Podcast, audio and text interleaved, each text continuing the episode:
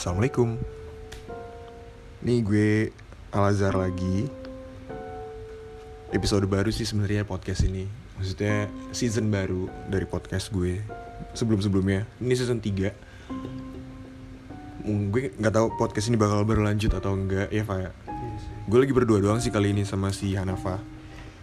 Nah eh, di season baru ini Mungkin gue bakal ngebahas horor nggak tahu sih bakal sedikit apa banyak. Soalnya baru tadi sore gue mendapatkan cerita gitu sih habis cerita cerita sama Hanafa juga tentang horor. Soalnya ini pandemi dan udah mulai jarang nih ngebahas-bahas kayak gitu kan sebenarnya.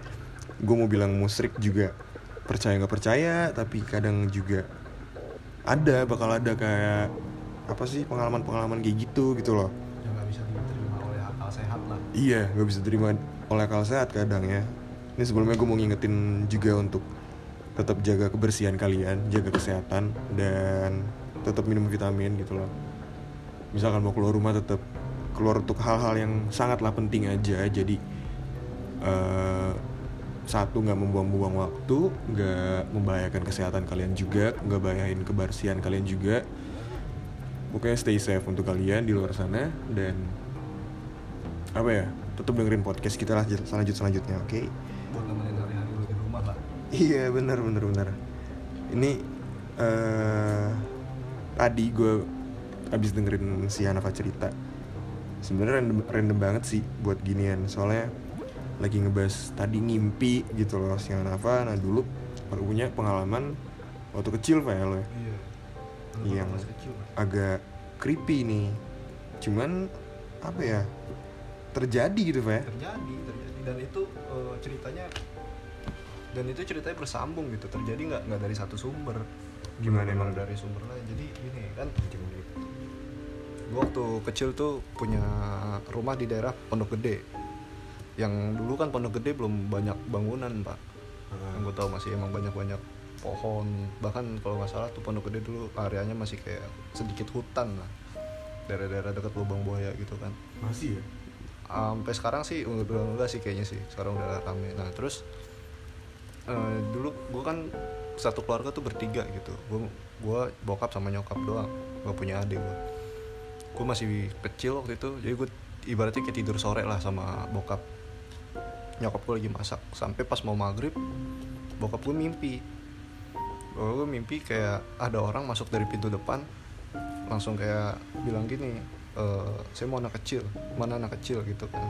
Ngimpi tapi? Itu ngimpi. Dan bokap gue ceritanya after after bener-bener oh, setelah orang lain yang cerita dia baru cerita. Ah. jadi gue ceritain dulu deh komplitnya nah bokap gue mimpi begitu. Eh, karena si yang masuk itu minta anak kecil dan satu-satu anak kecil di situ cuma gue. Bokap gue kayak ngelawan gitu kan kayak terjadi berantem dah terjadi pertarungan gitu sosoknya sih kalau diceritakan kayak pendekar betawi lah di Jawara Betawi Iya jawara-jawara Betawi gitu yang modelnya mungkin kayak adat-adat pitung gitu zaman-zaman dulu yang masih pakai sabuk, masih pakai peci gitu gitu. Hmm. Nah, itu begitu dipukul sama bapak gue, kepalanya copot. Mental ke kasur. Bapak gue langsung definisi buntung malah itu buntung Iya buntung bener Cuma kata bapak gue sih kayak nggak ada darahnya gitu Pokoknya putus aja Ah. Pas di pas ditonjok putus Terus bapak gue dicekek sama makhluk itu. Dia kayak mau dibanting ke kasur gitu kan ke arah gue. Nah seketika pas lagi dibanting gitu Bokap gue bangun dan gue nangis kejer. Bener-bener yang kejer banget gitu Yang jarang. Anak bayi nangis kejer tuh jarang gitu kan. Paling kalau nggak lapar Terus Nyusu. minta nyusu gitu. Atau emang kayak eh, pengen pipis atau apa gitu kan pengen ganti pampers gitu biasanya. Itu bener-bener nangis tapi gue nggak kenapa-napa gitu kan. Eh, terus eh, bokap gue kan cuek. Kalau kayak gitu kan nggak terlalu dipikirin gitu. Nganggapnya mimpi doang. Hmm. cuma tuh bapak bapak gue pas bangun dalam keadaan keringetan gitu. Padahal eh, kipas angin ada. Maksudnya dulu kan ruangan ya. ruangan kecil terus harusnya adem gitu. Gak pernah ada eh, gerah-gerah gimana gitu. Nah terus sempat ada kayak saudara nginep. Eh, lebih tua dari gue sih. Dia dulu masih SMA lah. Gue bayi dia udah SMA nginep nih dia tidur. Eh, kondisinya tuh dia tidur siang kalau nggak salah. Tidur tapi dia sendiri. Yang lain mah eh, masih pada ngumpul gitu. Jadi dia tidur sendiri. Bangun-bangun keringetan. Terus kayak di suatu saat ngobrol om emang bener ya om ya? Ada ini ada yang nungguin di rumah. Siapa emang? kata bapak gue. Ya kayak jawara betawi gitu sih om. Aku ngeliatnya di mimpi pakai peci ya pokoknya disebutin ciri-cirinya. Nah, itu persis sama. Terus ditanya mimpinya gimana emang? Mimpinya sama datang dari pintu depan minta anak kecil. Cuma kalau yang saudara gue ini kayak nggak ngelawan kayak diem aja gitu. Terus, tapi yang si jawaranya itu kayak nyari-nyari terus mana anak kecil mana anak kecil? Sampai nyekek lagi. Cuma ya gitu di pokoknya tau-tau dia kebangun keringetan lagi. Nah sampai eh, nyambung ke rinding nih gue iya itu sampai padahal bokap gue nggak cerita apa-apa tuh. Maksudnya nyambung ke om gue. Pas om gue kan emang orangnya rada peka gitu kan dalam hal-hal gaib gitu. Nah pas jadi dia cara ngusirnya lewat mimpi gitu kayaknya. Jadi om gue ini berantem yang bener-bener berantem. Dia mimpi juga nih di, di mimpi pendekarnya datang lagi dia bener-bener berantem tapi berantemnya chaos pak. Sampai bener-bener bata lah eh, balok dikeluar-keluarin. Pokoknya sampai katanya kalah pergi gitu. Nah itu yang waktu pas om gue terakhir pendekarnya udah nenteng pala berarti udah udah bener-bener buntung gitu. Datang datang palanya udah nggak udah nggak utuh lagi udah dipegang di tangan dia kayak mana anak kecil mana anak kecil? Lu serem gak sih ngebayang jadi badannya buntung badannya buntung palanya sendiri pegang? palanya ngomong mana anak kecil? Kayak gitu sih yang gue yang gue yang gue diceritain dari ketiga sumber itu dari bapak gue saudara gue sama om gue itu yang terakhir. Dan setelah itu emang alhamdulillahnya nggak ada kejadian apa apa sampai gue pindah itu aja sih. Itu baru pengalaman pertama gue yang menurut gue sih epic banget sih epic creepy banget sih. Kalau sampai bener-bener misalnya bokap gue kalah gitu mungkin kan dalam pertarungan bisa jadi kan iya. gue ini kenapa kenapa ya, takutnya kan. ada apa-apa. Kan ngeri juga maksudnya ngebayangin gue seremnya gimana gitu loh ngeliat anjing orang gak ada pala kan. Kapan lagi gitu? Dan itu maksudnya kalau cuma mimpi kan harusnya kayak Ya satu udah. orang udah gitu kan ini kelanjutan sampai tiga orang gitu. Orang-orang yang baru gitu yang dimimpiin. Kalau menurut lo tuh ada ini cerita serem? Ada cuman eh kalau dibilang berkelanjutan iya mungkin ya. Kayak oke lah kalau untuk ngelihat ngelihat asli depan mata gitu sampai gue kaget. Kencing kencing tuh nggak belum pernah cuman eh bokap gue tuh sering ngomong kayak untuk masalah kayak goib goib gitu gue sama nyokap tuh apa ya lemah gitu pak gampang di ini cuman alhamdulillah sih kita berdua kayak gue sama nyokap tuh belum pernah sampai namanya kesurupan tuh enggak. Cuman anehnya di setiap gue gue ngeliat nih malam gue cerita nyokap gue selalu ngomong oh iya mama kemarin juga ini gitu. Jadi nyokap gue selalu ngeliat sebelum gue ngeliat dan itu satu hari sebelumnya gitu loh di sebelum gue ngeliat. cerita nyokap gue selalu nunggu gue cerita gitu. Gue nggak tahu dia ngeliat apa gitu. Cuman ada yang namanya lo pernah lah pasti erep erep gitu kan? Erep erep dan itu tiga hari berturut-turut pak gue. Yang gue lihat itu beneran. Kayak dulu gue nggak dulu sih maksudnya gue SMA kelas 2 itu gue tidur bareng bokap kan kelas kelas 2 lah tidur bareng bokap bareng. Terus eh, jadi arah ruang tamu ke dapur gue dulu ada penutupnya pak. Kayak kayak triplek gitulah. Itu biar AC gak nggak ngarah ke dapur. Kan ruang gede banget gitu loh. Biar AC, apa dinginnya AC nggak ngarah ke dapur kita tutup pakai triplek. Itu dari di malam pertama itu gue yang gue lihat itu pertama triplek geser sendiri itu tapi gue nggak bisa ngapa-ngapain gitu loh. Mungkin yang namanya rap-rap tuh gitu. Gue ngeliat gue nyadar tapi yang namanya gue mau ngomong mau teriak pun gak ada suaranya nggak bisa. Badan gue nggak bisa gerak sama sekali kan. Gue ngeliatin tapi itu triplek geser ini di bawah nih. Gerak gerak gerak gerak gerak, gerak geser. Habis itu baru pak yang namanya melayang-layang tuh. Dia awal dari dapur pak. Ceng ke arah ruang tamu. Cewek cewek. Itu nggak nggak jalan. Dan itu kayak terbang kayak kain terbang aja gitu loh ngelihat. Cuman gue ngeliat itu ada wujudnya tuh pala tuh ada pala rambut tuh ada. Gue liatin dari sini eh dari dapur ke ruang tamu dia bolak balik aja tuh. Abis itu masuk ke dapur lagi dari dapur dia du- duduk sebelah bokap gue. Duduk di bawah gitu loh kayak mau lo abis sujud yang bangun tuh duduk tayatul masjid lah. Dia kayak gitu duduk kan. Gue ngeliatin pala gue berusaha bangun banget gitu loh. Mau nunjuk nunjuk mau udah kayak gue di istighfar udah ini doa tuh nggak bisa sama sekali kan. Itu cewek tetap duduk aja samping bokap gue tapi diem. Tapi palanya tuh di atas dada bokap gue ngerti gak sih? Kayak dia rada nunduk gini nih. Iya, di atas dada bokap gue di atas badan itu gue gak bisa ngapa-ngapain sama sekali pak. Besoknya gitu lagi. Gue ngeliatin lagi tuh triplek gerak. Arab-Arab lagi. pak. Gue ngeliatin lagi tuh triplek gerak. Dia terbang-terbangan lagi dia duduk lagi. Sama kayak kemarin. Cuman gue nyadar kalau itu bukan kayak dejavu gitu loh. Dan kayak posisi dia beda cara terbangnya beda. Hmm, pokoknya ada ada yang something beda lah. Sama kan kita berasa. Malam ketiga pun lagi sampai bener-bener gue udah kesel banget kan. Itu sama sekali nggak bisa. Paginya gue mutusin buat cerita ke nyokap. Ma ini tadi malam aku ngeliat ini nih cewek duduk samping papa gitu loh. Gue nggak bisa ngapa-ngapain gue cerita kan ke nyokap. Baru nyokap gue ngomong oh cewek ya ini ya rambutnya panjang ya? Nunduk orangnya? Iya nunduk mah. Iya mama juga ngeliat kemarin cuman nggak ini. Cuman mama ngeliatnya dia kayak terbang-terbang dari ruang tamu ke kamar ke ini dan dan itu nyokap gue persis banget ceritain apa yang gue lihat gitu loh kayak dulu kamar gue masih di sebelah nih belum ganti kan belum belum pindah kamar lah.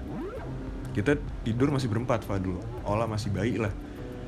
Itu yang namanya tidur kedinginan AC selimut sering ketarik-tarik kan itu sama beberapa malam juga kayak gitu. Dan gue nyadar ada si cewek itu gitu loh. Masih. Ah, ah, ternyata pas gue cerita ke nyokap gue baru gue inget-inget lagi gitu kan ini ngimpi apa bukan? Ternyata bukan. Soalnya kalau ngimpi pasti lupa kan. Ini enggak selimut gue ketarik-tarik ya gue bangun dong dari kasur gue mau ngambil selimut gitu loh. Nah kasur gue itu dempet sama pintu. Sama di pokoknya sekat ke arah pintu lah ke ruang tamu. Itu gue ngeliat mau ngambil selimut ternyata gue nyariin Fah. Selimut gue tuh apa pindah nyampe ke depan TV Jauh. jauh. Gue ngambil tapi sambil tiduran ngambilnya. Males kan? Mager. mager gue ambil gue nengok ke kanan itu udah di pojok pojok ruangan si cewek itu. Besoknya lagi. Ternyata besoknya gue ngeliatin dia gue cuma bangun gini doang ngelek itu yang kalau orang cerita set gue nggak tahu ya nyebutnya set terapi gimana cuman ngambang yang ngambang Fah. Tapi gue ngeliat tuh bahwa dia kayak asap-asap gimana sih? Nah, ya pakai kayak kabut. kayak kabut gitu. Tapi udah di bawah doang kabutnya dan dia melayang gitu loh. Itu dua hari loh ngeliat dia kayak gitu. Orang yang sama gue besoknya nyokap gue cerita tante gue tuh bertamu ke rumah gue Fa abis mandi dia nanya dia manggil gue manggil nyokap gue mbak kan. Mbak itu siapa di pojokan tuh? Cewek katanya. Cuman tante gue ngeliat dari pantulan kaca pak. Pantulan kaca enggak bukan siapa-siapa ya nyokap gue biar biar tante gue nyaman aja gitu kan. Habis itu baru gue cerita ke nyokap mah ini tadi malam selimut aku udah tarik-tarik nih sama yang cewek itu lagi. Oh dia ini ya? Iya sih tante ini juga ngeliat tuh kemarin soalnya pas mau acara dia nginep dulu. Katanya di pojokan kamar. Dan si dia si cewek itu ternyata sama sama yang gue lihat dia duduk samping bokap tuh sama Fa udah pokoknya nyokap gue tuh selalu kayak gitu. Gue cerita baru dia mau cerita. Males sih kayak gitu sih. Terus apa ya gue mikirnya tuh bukan bukan kalaupun kita pindah ruangan biar pindah rumah atau pindah ruangan biar lepas dari mereka juga bukan ruangannya yang dia tempatin ngerti gak sih? Emang dianya ngikut mungkin ya? Iya. Gak tahu sih gue berpikiran kayak gitu. Dan mungkin mereka bakal selalu ada. Ya pasti bakal selalu ada cuman eh apa ya harapan gue ya nggak pernah ganggu ganggu sebegitu ganggunya lah. Maksudnya nggak sampai parah banget. Jadi masih ngasih batas wajar aja gitu kalau untuk yang si si dia ya si cewek itu. Oh ada lagi loh. Kalau untuk yang Arab-Arab gue pernah sih dan ini baru kayak biasanya gue Arab-Arab tuh kayak paling momen gue kayak mau ngambil remote kok nggak ambil ambil kayak gitu doang awal-awalnya tuh kalau Arab-Arab. Terus sekali-sekalinya gue Arab-Arab yang horor tuh jadi kan rumah nenek gue direnov mau jadi kos-kosan. Tadinya rumahnya biasa rumah tingkat eh, rumah satu gitu dasar. Mau di, di- mau ditingkatin dua biar jadi kosan gitu kan kamarnya banyak. Nah gue waktu pas nginep nih udah jadi kemarin gue nempatin salah satu kamar sama bokap nyokap. Cuma bokap nyokap lagi pada di luar.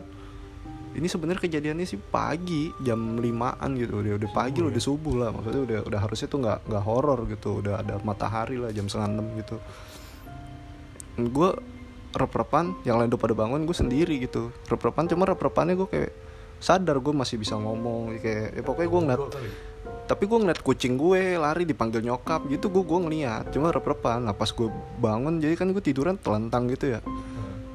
Kayak bener-bener persis depan gue tuh kayak gue pertama ngiranya orang sholat pak. Aduh. Gue ngiranya orang sholat tapi depan gue gue sempet mikir kayak anjing ini gue disolatin apa Maksudnya apa gue udah, udah meninggal gitu gue, gue sempet kayak mikir gitu kan yang gue yang gue pernah baca gitu katanya kalau orang meninggal kayak mimpi kan gak nyadar kayak mimpi. Cuma nih lama-lama gue lihat wujudnya kok merah gitu. Apa yang merah? Merah merah wujudnya merah kayak kayak ada lampu neon di bawahnya merah. Aduh. Kayak ada lampu neon. Serius serius ini ini serius. Tapi gue baru Apaan sih? Belum lama ini rumah nenek gue aja baru direnov kan tahun ini. Oh, belum iya. lama. Gue gara-gara lo cerita sleep Pandora. paralysis iya gara-gara lo cerita Arab Arab gue langsung ngeh oh iya gue juga pernah nih. Bener-bener nih asli. Pokoknya gue kayak ngeliat kayak gue disolatin. Jadi posisi kayak posisi orang sholat yang ini eh, takbir awal. Heeh.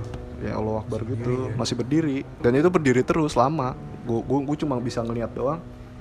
Sampai gue kayak merem gitu. Gue melek merem melek lama-lama akhirnya kelihatan jelas. Kayaknya pocong pak. Cuma merah. Merahnya tuh gue nggak bisa ngebaratin dia merahnya merah tanah apa merah darah ya.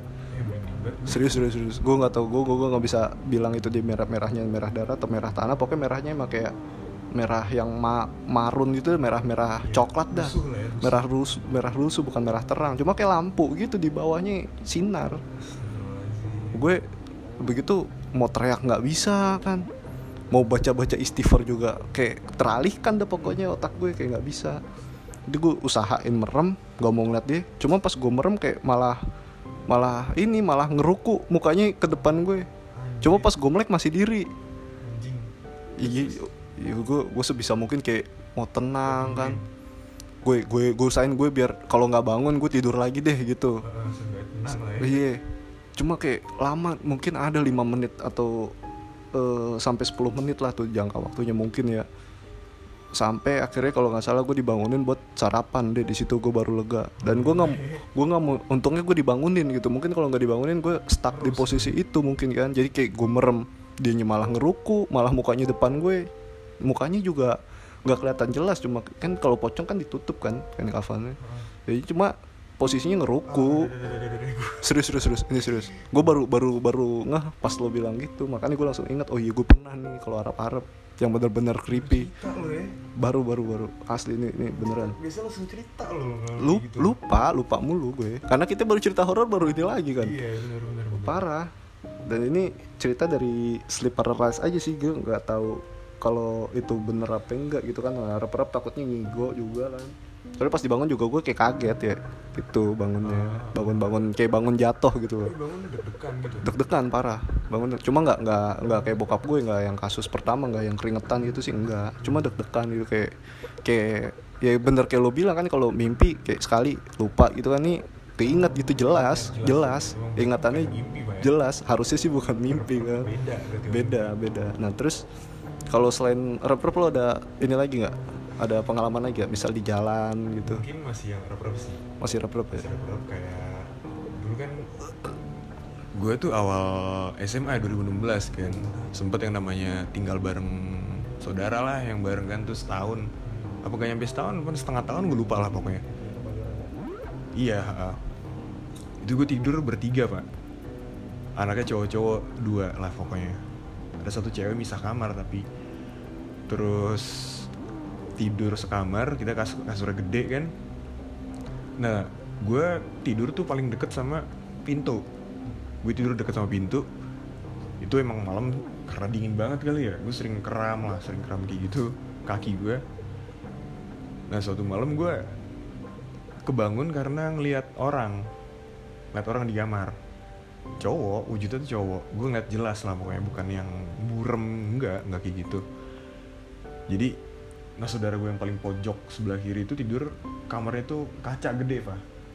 Ngarah keluar ke ke halaman dia lah banyak pohon kayak gitu udah gitu. Di saat gue kebangun ya gue ngeliat bapak-bapak bapak-bapak ya ini wujudnya bapak-bapak. Dia tidur eh enggak dia berdiri di pojok di depan saudara gue tidurnya. Cuman dia tuh berdiri ngadep ke kaca apa ngebelakangin gue. Iya itu gue ngeliatin doang nggak nggak negor nggak apa. Mungkin masih rep-rep gitu kan. Cuman ini tenang gitu loh, lebih tenang gue ngeliatnya. Kayak nggak ngerasa keganggu apa gimana. Gue ngeliatin dia dia masih ngeliat itu. Ya udah gue coba tidur lagi dong kan. Cuek. Gue merem lagi gue kebangun lagi. Kebangun tapi dia di depan gue depan pintu dan ngeliatin gue gitu loh. Tapi gue nggak inget mukanya kayak gimana. Yang gue inget dia bawa bapak tua ubanan kan. Tapi bajunya tuh full putih. Full putih gitu baju baju putihnya tuh kaos. Pakai kaos putih. Celana. yang, yang apa kayak koko gitu. Enggak. Cuma kaos putih cuman celana mungkin iya kayak celana mau sholat kali ya. Warna putih juga tapi pak. Di situ gue gak ngerasa takut. Cuman bingung doang itu siapa gitu kan. Paginya gue ngomong ke bokap bokap minta diceritain. Ya udah setelah ceritain oh ya udah emang nggak tahu anjing bukan tukang kebun gak ada tukang kebun di sana. Ya pokoknya setelah gue cerita ya udah bokap cuman kayak ya udah besok kalau tidur baca doa aja gitu loh lebih biar lebih aman. Terus mungkin gue belum sholat isya waktu itu kan lupa apa gimana lah. Gue nggak ngeh pokoknya gitu sih menurut gue iya yang bener lu bilang tadi mimpi itu sama rep-rep beda. Rep-rep ya lu sadar gitu loh. Karena lu bisa nyeritain jelas apa yang lu alamin malam itu kan. Kalau mimpi paling ya dari 100 paling cuma 20% kali lu inget mungkin kan dan itu juga susah banget ingetnya pak. Paling kayak selain rep-rep apa ya selama di jalan kali ya. Pokoknya pengalaman-pengalaman gue gue motoran kan bocahnya. Pernah waktu itu gue main ke rumah temen gue di sektor 9 lah Bintaro kan. Balik gue motoran setengah 12 tuh hujan deras itu gue paksain gue nggak nggak pakai jas hujan dinginnya kayak pantau kan. Nah pas nyampe Simpruk arah Palmera itu kan naik flyover muter ke bawah. Oh, muter ketemu Pal- Palmera itu sampingnya rel kan. Rel nah pas gue di kolong rel itu ya namanya visor gue tutup kan kaca kaca helmnya gue tutup air tuh bikin remang-remang kan misalkan ada lampu tuh bakal bakal silau banget lah pecah ya sinar pecah dan itu di samping rel gue gue nyadar ada orang nyebrang itu nyadar pak orang nyebrang jalan pelan dan gue dari rada ngebut sampai posisi motor gue miring itu gue rem sedikit kan. Gue rem gue rem gue kira itu orang nyebrang beneran. Ter- tapi kok pas nyadar gue ngeliat apa ya gue ngeliat orang itu tapi kayak nembus belakangnya tuh nembus gitu loh.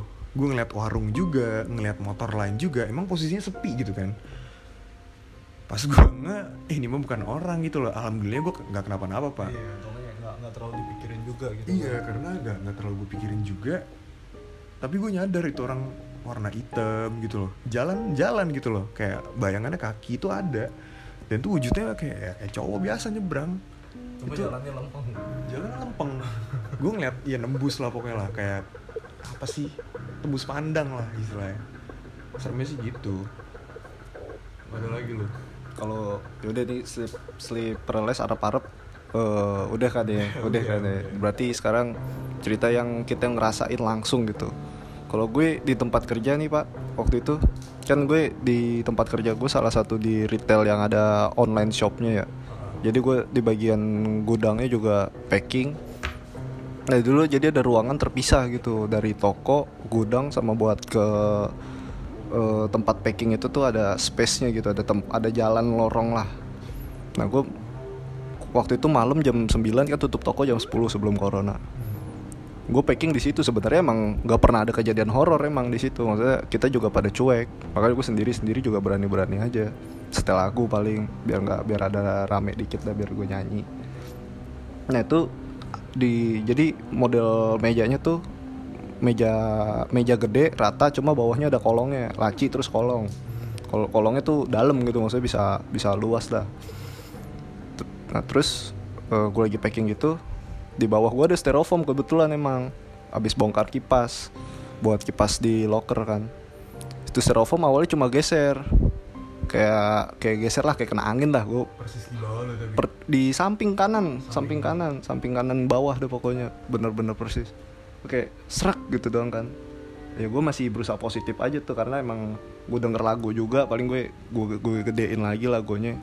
Udah selang lama gue sempet kayak packing 2-3 barang terus styrofoam jatuh tapi jatuhnya sampai jauh gitu kayak ada yang nendang. Well, kayak mental dah cuma nggak nggak mental mental banget kayak ada yang nendang aja pokoknya.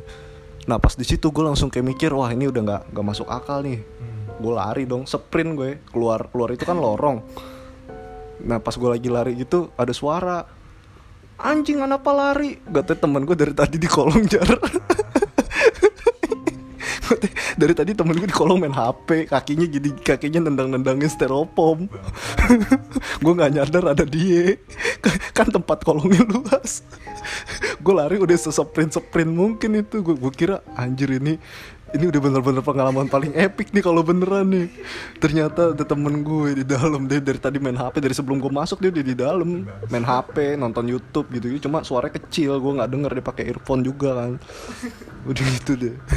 Ini sorry ya jadi ada ngelucu dikit. Soalnya lucu aja gitu. Iya. Ini ini mah time moment gitu. Kan gue mau balik ke horror aja kali ya nggak pernah sama sekali ada kejadian horor kayak gitu kalau kejadian horornya ya ini ini beneran nih kalau ini. Kalau itu di salah satu gudang kan di tempat gue gudang ada beberapa macam ya ada tiga gudang. Nah di salah satu gudang ada emang dari gue pertama kali banget masuk gue udah udah ngeh tuh. Maksudnya udah ngeh dalam artian kayak ini tempat paling beda hawanya. Ngelekep gitu loh pak. Kayak di gitu pencahayaan sunyi pencahayaannya juga lebih kurang terus gue lagi lagi kayak pokoknya lagi touring gudang dah journey gur- journey gudang gitu.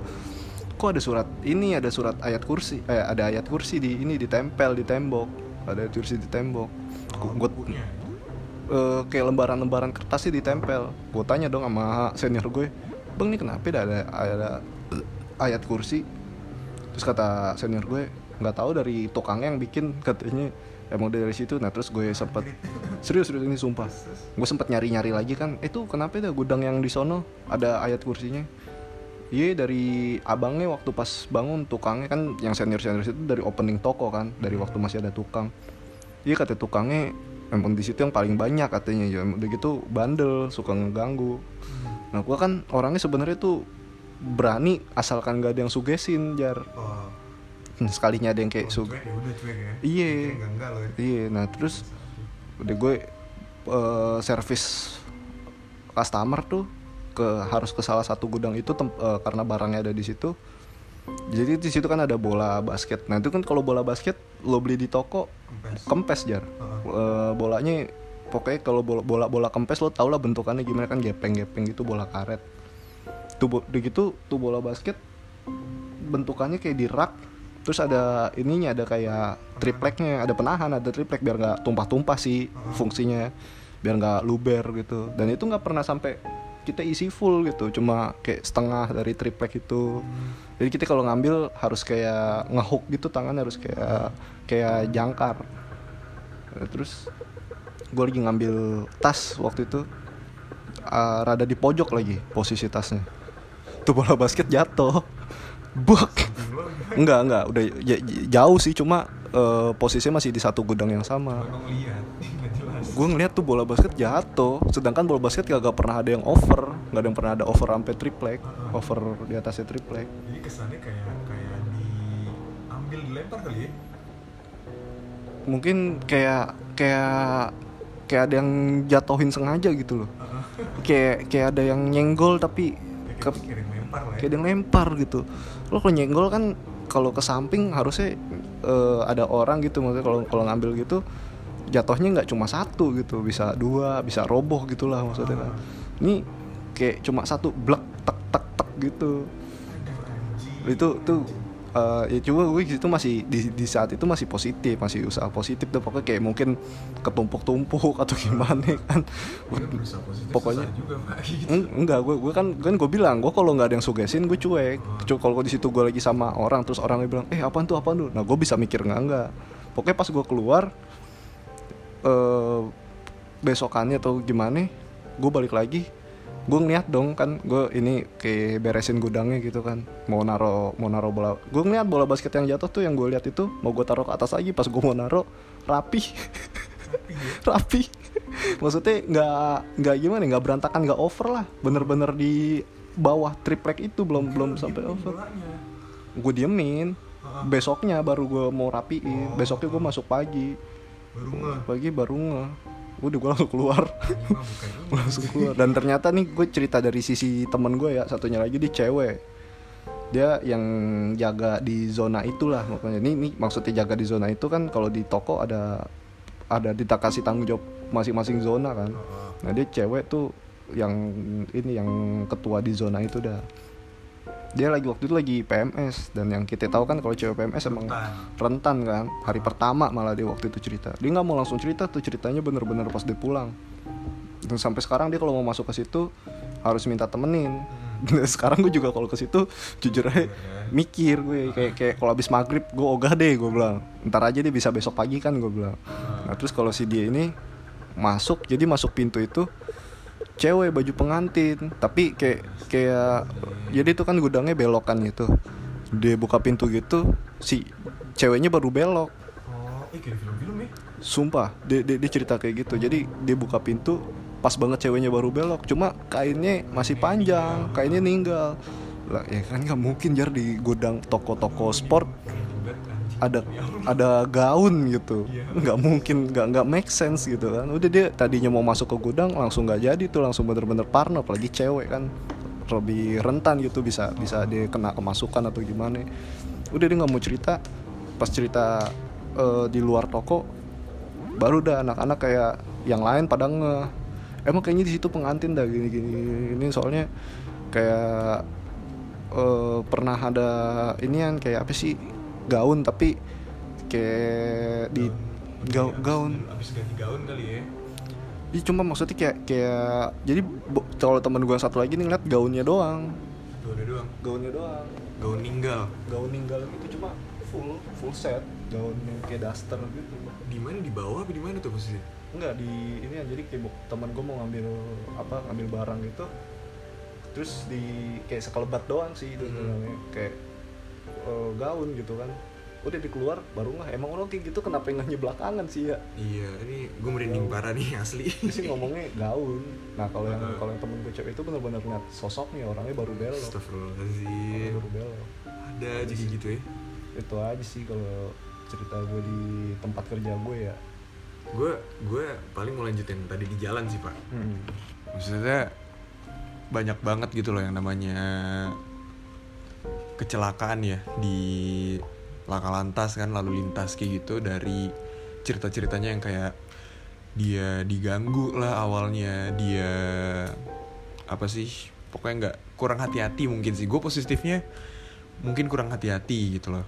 Entah jalannya licin atau apa cuman kan lo tahu sendiri Indonesia kan selalu nyambung nyambungin ke hal mistis lah kayak banjir makan korban aja kadang disambung-sambunginnya kayak ada yang ada yang narik iya ada yang narik nih. buayanya katanya. ada yang minta tumbal lah sampai dibikinin kopi dibeliin gorengan kadang tuh. Kadang pernah denger cerita kayak gitu dan malu sendiri gitu loh kadang sampai New York Times lah itu kayak berita berita luar negeri. Kadang malu juga sih cuman percaya nggak percaya balik lagi gitu loh. Kayak kita sering dengar apa sih rumor-rumor KM 97 kan Cipularang. Iya Cipularang juga. Kan Cipularang. banyak korban gitu Ah, terus waktu itu gue pernah lah nonton salah satu podcast di YouTube kan.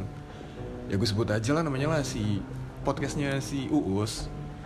Uus tuh lagi cerita ada Gading ada Andika gitu kan. Bang Andika ini pernah cerita waktu itu dia lagi lokasi syuting gitu loh. Kalau nggak salah ya dia dari Cibubur ke Bandung. Nah ke Bandung tuh dia jemput nyokapnya pak. Nah dia kelar syuting dari Cibubur itu jemput nyokapnya ke Bandung. Kalau nggak salah rumahnya deket-deket situ lah apa di mana lah? Gue nggak nggak kan dengerinnya daerahnya di mana. Nah selama pas dia mau keluar tol itu dia ngeliat dari jauh tuh kayak ada orang lah udah geletak di tol kan. Cuman bentuknya udah udah nggak karuan pak. Dia nyadar kalau itu kayaknya entah korban kecelakaan tabrak lari apa. Itu cuman kayak mayat anjing apa gimana? Kan banyak kan kayak kucing mati atau nggak anjing kelindes mobil di tol tuh banyak gitu loh. Si bang Andika ini mau positif pak mikirnya. Ah mungkin nih ya mungkin karena gue udah ngantuk apa gimana juga inilah kayaknya eh, pikiran kotor gue aja dia bilang kayak gitu. Dan dia emang agak ngindar gitu loh agak ke kiri ngindarin itu yang dia lihat di tol. Cuman lo pernah gak sih naik motor ngelindes tikus apa gimana Iya pernah, kayak ngerasa ngerasa gajlukan lah. Iya, tikus se- sekecil itu aja di jalan kita ngerasa kayak jegrek-jegrek gitu loh. Iya. Nah, si Bang Andika ini ngerasa, Pak. Jegrek-jegrek gitu loh, kayak mobilnya kayaknya ngelindes nih. Nah, pas keluar tol, dia itu minggir ke warung lah. Dia bilang beli minum apa beli rokok, gue lupa. Pas dia udah beli minuman itu, ada mas-mas tiba-tiba dateng nanya. Ya si Bang Andika setelah minum ah, beli minum ke warung itu dia sambil ngecek mobilnya kan di kolong gitu loh. Nih gue tadi ngelindes apa sih? gitu loh. Dan bener pas dilihat di kolong mobil kalau nggak salah dia ngeliat tuh ada bercak darah merah gitu loh. Dia nggak mau ambil pusing tiba-tiba ada mas-mas nanya ngedatengin dia. Tadi abis nabrak orang mas di tol. Ah enggak dia dia dia takutnya itu warga situ dan tahu kalau dia abis tabrak lari apa gimana kan walaupun itu enggak dia nggak ngelakuin itu cuman kan dia Takut aja takut aja gitu loh. Takutnya dipikir oh ini orang nabrak nih gitu kan. Ya udah si bang Andika ini apa eh, jawabnya langsung lantang gitu kayak ah enggak kok. Emang ngecek kondisi ban aja mobil. Oh ya udah hati-hati di jalan kata mas-mas yang tadi datengin dia bilang gitu. Akhirnya dia jemput nyokapnya besok pagi dia nganter lagi nih sekalian ke lokasi syuting. Nah nyokapnya oh dia ceritain lah ke nyokapnya cerita ke nyokapnya dia malam itu kenapa kan kayak berasa ngelindes cuma dia nggak tahu ngelindes apa.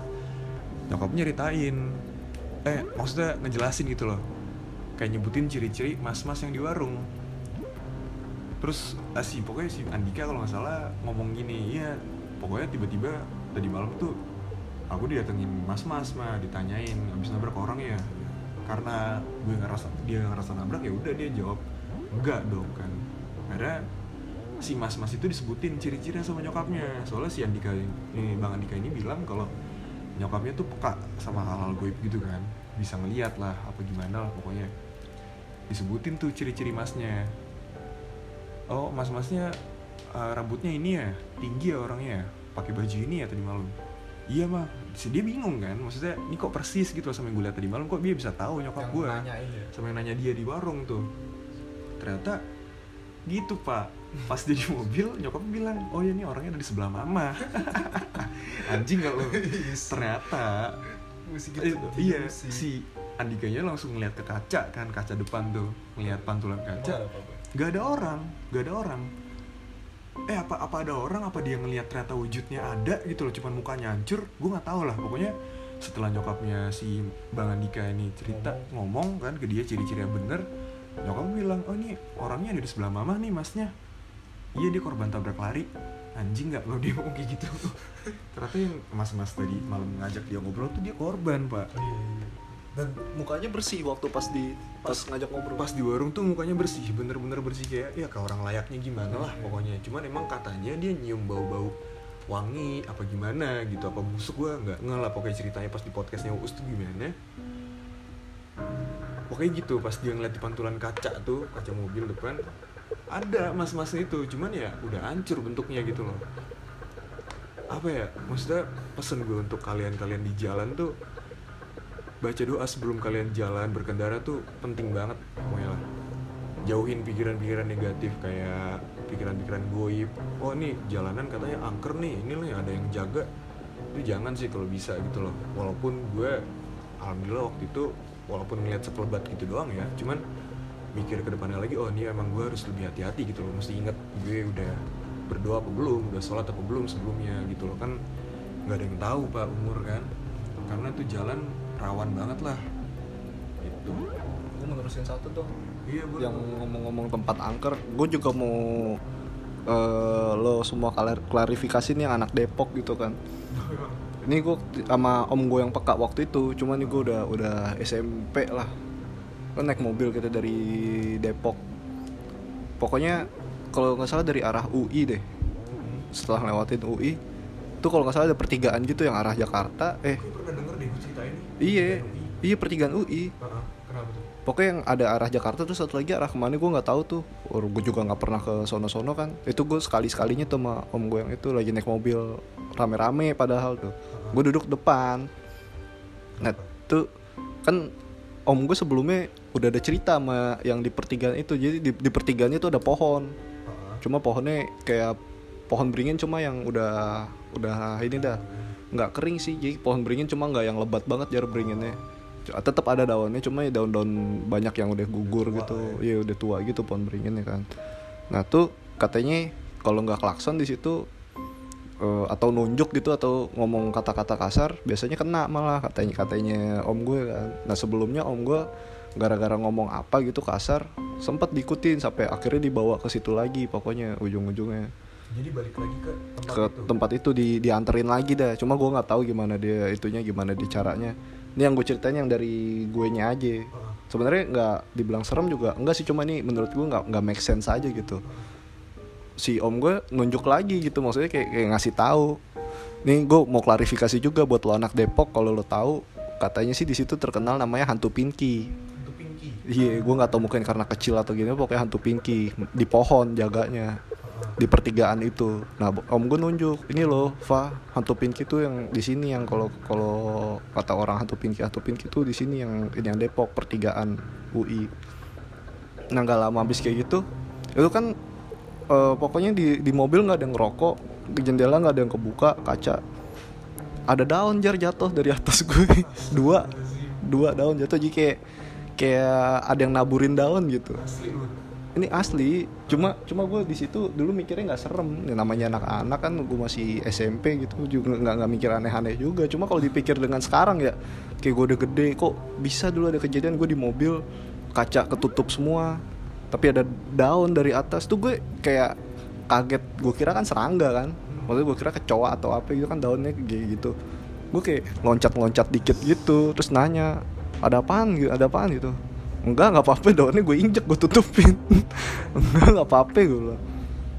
Kaget tadi bilang gitu doang sih. Ini asli nih. Cuma kalau dipikir dengan sekarang sih nggak masuk akal kok bisa ada daun? Sedangkan mobil kan kotak gitu bentuknya. Ketutup.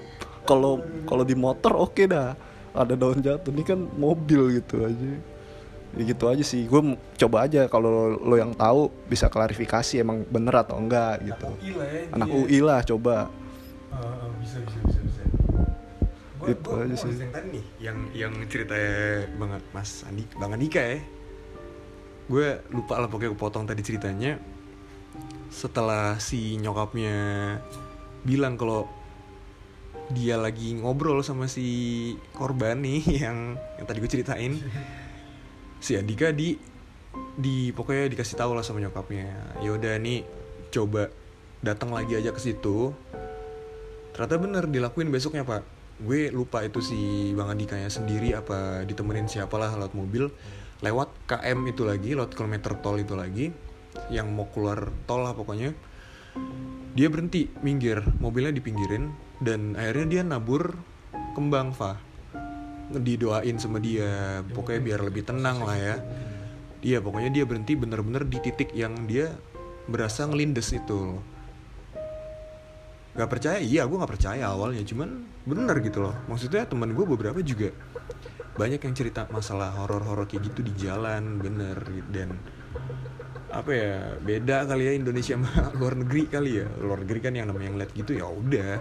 Om gue kalau om gue yang masalah hantu hantu pinky tadi yang sebelumnya sama yang bukan sama gue nih yang dia pertama kali yang dia nganterin lagi itu dia pertama ngerasa mobilnya beda sama eh, lo nabrak tikus gitu. Lo nabrak tikus kan mobil lo ke bawah eh, kayak ge- eh, gajlukan gitu dah.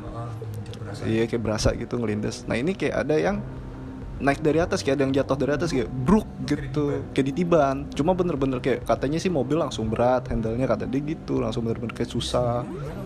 Waktu itu lagi sama istrinya doang berdua. Dan tuh emang katanya pas pas pulang sih langsung beda lah. Langsung kayak suasana rumah beda kan kata dia. Dia, dia peka juga sih kan. Udah terus akhirnya besoknya dia ke situ lagi. Ya gue nggak tahu prosesnya gimana. Pokoknya kayak dibalikin dia bilang. Ya udah dan harusnya sih yang sama gue setelah dia nunjuk kan harusnya dia ngikut gitu. Cuma gue cuek-cuek aja gitu. Alhamdulillah enggak. Cuma daunnya itu jar jatuh dari mana. Iya sih hal sepele cuman gue bisa hal, hal- sepele cuma kan kalau dipikir sekarang gitu. Gue dulu karena nggak terlalu mikirin juga gitu kan. Malah daunnya gue injek gitu. Maksudnya nutupin aja biar nggak ada yang tahu. Gue orangnya kayak gitu diem juga nggak mau cerita kadang. Ceritanya sih males gitu loh. Iya, jadi udah cukup kali ya. Gak, gue satu deh. Masih ada satu nih. Satu, oke nih satu. satu lagi nih. Satu lagi cerita gue. Gue adalah orang gue bisa dibilang orang yang gak percaya gitu loh. Walaupun gue masih ada apa ya entah diliatin apa kejadian di gue sendiri besokannya gue masih nggak percaya sama hal itu pak. Walaupun gue takut banget gitu ya. Gue nggak mau mikirin hal itulah. Cuman gue tuh dulu nggak percaya yang namanya oke ada orang kesurupan cuman prosesnya itu gue nggak percaya. Kayak yang namanya badan dia dingin dulu lah atau badan dia berat dulu mau muntah gitu kan dan mata dia mulai kosong. Gue nggak percaya awalnya gitu kan. Cuman waktu itu tahun baru 2017 apa 18 kalau nggak salah. Gue liburan ke rumah pak di gue Tara di Cijantung. Karena pak di gue tahu gue sama saudara waktu itu gue sama saudara gue cowok kan basket juga dia waktu itu dan saudara gue ini pak di gue ini yang tentara tahu kalau gue sama saudara gue ini basket gitu loh basketan kan. Dikasih tahu lah tuh di Cijantung.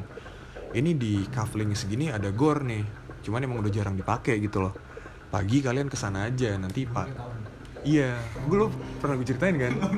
Yang lari gitu. Wah iya pak. Itu gue ngeri banget lah pokoknya. Dan bener aja pas paginya pagi setelah tahun baru tuh 1 Januari banget gue dianterin ke gor itu pak Cijantung kan banyak pohon gitu loh Banyak. kebun kayak hutan nah gitu. itu kan pondok gede sama Cijantung masih deketan. Iya, deket-deket, bener. pondok gede banyak pohon tuh iya. Dan suasana itu masih adem, Adem, sunyi kan sunyi. banyak angin rindang banget lah pokoknya. Pas gue diantar ke gor ya udah gue di drop kan sama saudara gue ini berdua doang.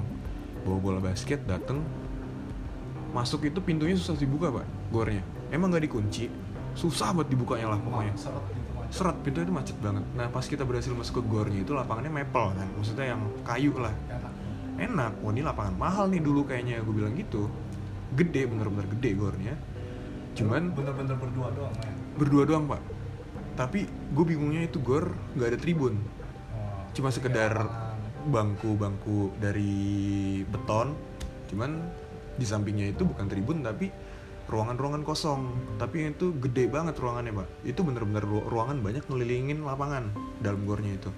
Ya mungkin karena itu di wilayah marin eh wilayah tentara lah ya. Mungkin dipakai kayak ruang rapat apa ruang diskusi juga dulu mungkin. Dan pas kita masuk emang itu lapangan fully berdebu. Hmm, full berdebu bener-bener sunyi. Jarang dipakai mungkin. Ah, ah, pas gue berhasil masuk pun hawanya udah gitu pak. Dingin dingin banget kayak ada angin yang ngembus keluar gitu loh pintu gue masuk gue kayak ketiup angin dari dalam mungkin emang ya kalau mau dimasukin akal ya biologis kayak gitu pak karena emang apa ya tekanan udara gitulah pokoknya karena dia nggak pernah masuk udara nggak pernah masuk ru- ruang apa ya sinar matahari lah kan pas dibuka langsung ini semua Iya keluar semua anginnya. Udah tuh kita masuk mulai mulai main basket. Setengah jam ada itu kita main basket. Cuman gue tuh bawaannya ngeliatin ruangan kosong mulu. Itu lampu gak ada yang kebuka, gak ada yang nyala kan lampu. Itu ruangan kosong banget kan. Cuman mata gue tuh kayaknya mau ngeliatin ruangan mulu gitu loh. Ada satu ruangan yang akhirnya gue liatin terus pak di belakang ring gitu ya. Belakang ring. Terus beberapa kali gue main itu gue berusaha untuk kayak ya lah let that slide gitu loh gak bakal gue pikirin cuman yang namanya apa ya kayak ketawa ketawa tuh gue denger pak kayak ketawa cewek ketawa ini dan lo kalau apa ya nonton film yang namanya film Indonesia horor ya yang namanya ada Mbak Dini itu Kunti Kunti kayak gitu ketawa di film ketawa ringtone sama ketawa asli yang gue denger itu beda banget pak. Yang asli itu bener-bener bergema gue nggak mau nggak mau nyontoin lah. Sengeri juga gue kalau nginget gitu kan pengalaman buruk menurut gue itu. Gue beberapa beberapa kali nyadar kalau gue diketawain dari ruangan itu yang belakang ring. Yeay, ketawa gitu cuman gema gitu loh. Gue merinding juga. Nih merinding banget gue sampai jidat gue one on one anjing. Enggak, enggak pokoknya. Tapi si saudara gue itu udah nyadar, Fa. Kayak, ih Jar Diliatin Jar. Jar ada yang lewat Jar. Gue gara-gara ya gue lagi asik main basket kan Yang namanya udah berapa hari nginep Ya gue mau have fun dong mikirnya kan enggak elah paling Apalagi iya. kita kalau basketan tuh bener-bener fokus gitu ya fokus enak basket. gitu basket. Nah tapi ini jujur gue gak bisa fokus gitu loh Karena gue fokus ke satu ruangan itu malah. Saudara gue udah ngomong Jar diketawain tadi Gue denger, gue tuh denger gitu loh. Cuma Tapi gue gak mau ngambil pusing Bener, gue mau mikirin itu. Saudara gue ngomong lagi akhirnya Jar eh Barusan ada yang lewat. Jar Dia keluar lagi no Anjing gak sih lo dia ngomong kayak gitu mulu. Sampai akhirnya dia ngomong Jar gue mual deh Pundak gue berat banget Jar. Dia langsung ngomong gitu kan. Ah kenapa deal capek kali lo belum stretching. Belum stretching belum pemanasan. Gue bilang kayak gitu kan. Gampang aja lah gue mikirnya kan. Akhirnya sampai dia tiba-tiba jatuh tuh dua kali Fa dia jatuh. Si Fadil tuh dua kali dua kali jatuh. Katanya kaki ada yang nyandung. Gue nggak percaya tapi itu kan. Masa bisa nyandung sih kayak gitu kan? Kan bisa bisa aja kan debu kan tadi lu bilang. Iya mungkin kepleset atau gimana kan. Cuma dia bilang kaki dia disandung dan pundak dia berat banget lah pokoknya. Akhirnya gue udah mulai gak karuan juga pikiran gue kan kayak gue denger diketawain terus Wih, ketawain terus lewat Fa itu bener-bener. Apalagi gor kan gemanya kayak gimana dan suara itu kecil kayak samping kuping. Bukan yang gede banget tuh mitos- mitosnya justru kan kalau lo denger suaranya jauh kecil justru malah deket. Kayak iya katanya gitu. Gue gue percaya juga sih karena gue udah ngalamin kayak gitu kan. Dan akhirnya oke deh ini udah nggak bener gue tarik dia keluar dan di saat gue keluar gor itu gue pakai ring yang pojok. Pintu gor di belakang gue jauh jauh, ujung ke ujung. Bukan yang deket pintu. bukan yang deket pintu gue main dan ya jelek pak ringnya yang deket pintu pak. Makanya gue milih yang pojok. Iya akhirnya gue dan gue keluar gor itu gue bopong. Si saudara gue tuh gue bopong gitu karena kata dia udah berat banget. Jar ini gue beneran berat banget. Udah gak kuat leher gue kata dia gitu gue udah males dong dia denger ngomong kayak gitu udah gue bopong. Pas gue berhasil keluar gor keluar bener-bener keluar pintu dia muntah pak. Banyak banget. Gue pijitin kan gara-gara berat gue pijitin muntah banyak banget. Gue nggak tahu ya itu emang faktor dari kalau habis kesurupan juga apa gimana. Cuman menurut gue mungkin kalau dipikirin dimasukin akal tuh hampir kali ya hampir, ketempelan. Kalau lu lebih lama di situ mungkin bisa. Ketempelan udah cuman mungkin nggak sampai masuk gitu. Loh alhamdulillah gue bawa keluar. iya dan baru gue bawa tuh gue bawa pelan jalan keluar gor. Baru pas nyampe rumah mesnya rumah dinasnya itu gue cerita ke padi gue ya namanya padi gue orang orangnya keras gitu kan. Maksudnya tentara gitu juga nggak percaya hal-hal gitu kan. Jadi bilang alah itu suges suges kamu gitu loh dan pas gue cerita kayak gitu dibilangin sama padi gue ya bener gue lupa kalau gue nggak salam gue nggak ini itu penting banget gitu loh Main- ternyata main asal main Iya, karena ternyata pas gue mikir itu tempat orang, tempat baru, ba- apa buat gue dan gue belum ngucapin salam. Walaupun sebenarnya kalau dipikirin nggak penting-penting banget lah gitu ya, kayak ngucapin salam. Iyalah ini bukan rumah gue, ternyata bener gitu loh. Kayak ya pokoknya gitu sih, di mana pun lo berada, misalkan lo mau berkunjung lo harus ngucapin salam. Gue suka netting juga sih Jar kalau gue ke tempat baru gitu gue ngucapin salam gitu assalamualaikum dijawab. gitu.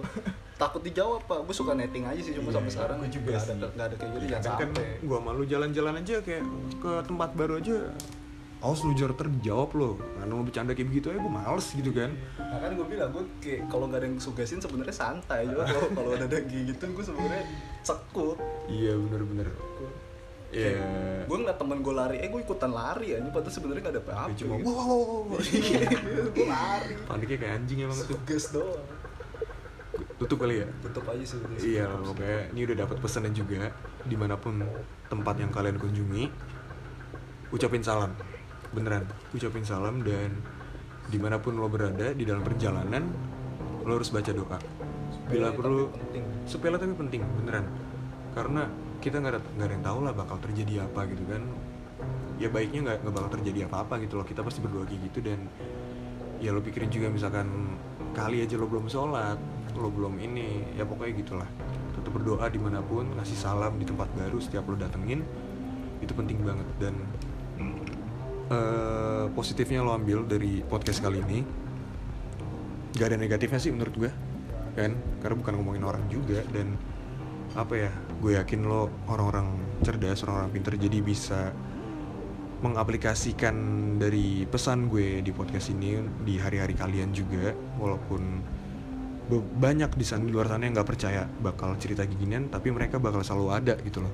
Nggak terlihat bakal selalu ada di sekeliling kita dan kita tugas kita apa ya? Paling Ya, menghargai lah. kita hidup berdampingan sih. Kita hidup berdampingan bener. Dan hal harus saling menghargai gitu loh. Walaupun itu rumah lo pun ya mereka pasti ada gitu loh. Dan mungkin mereka bisa jadi lebih lama yang tinggal di situ daripada iya lu. bener. Gak ada yang tahu kalau sebelumnya itu rumah dia kan? Ah, tetap walaupun rumah lo ucapin salam. Mau masukin kamar mandi juga masuk kamar lo juga ucapin salam kalau bisa gitu loh ngaji gitulah. Pokoknya bikin rumah lo sebersih mungkin tempat tinggal lo sebersih mungkin sesteril mungkin dari hal-hal tersebut lah pokoknya. Ya udah segitu aja sih. Thank you. Selamat menjalani hari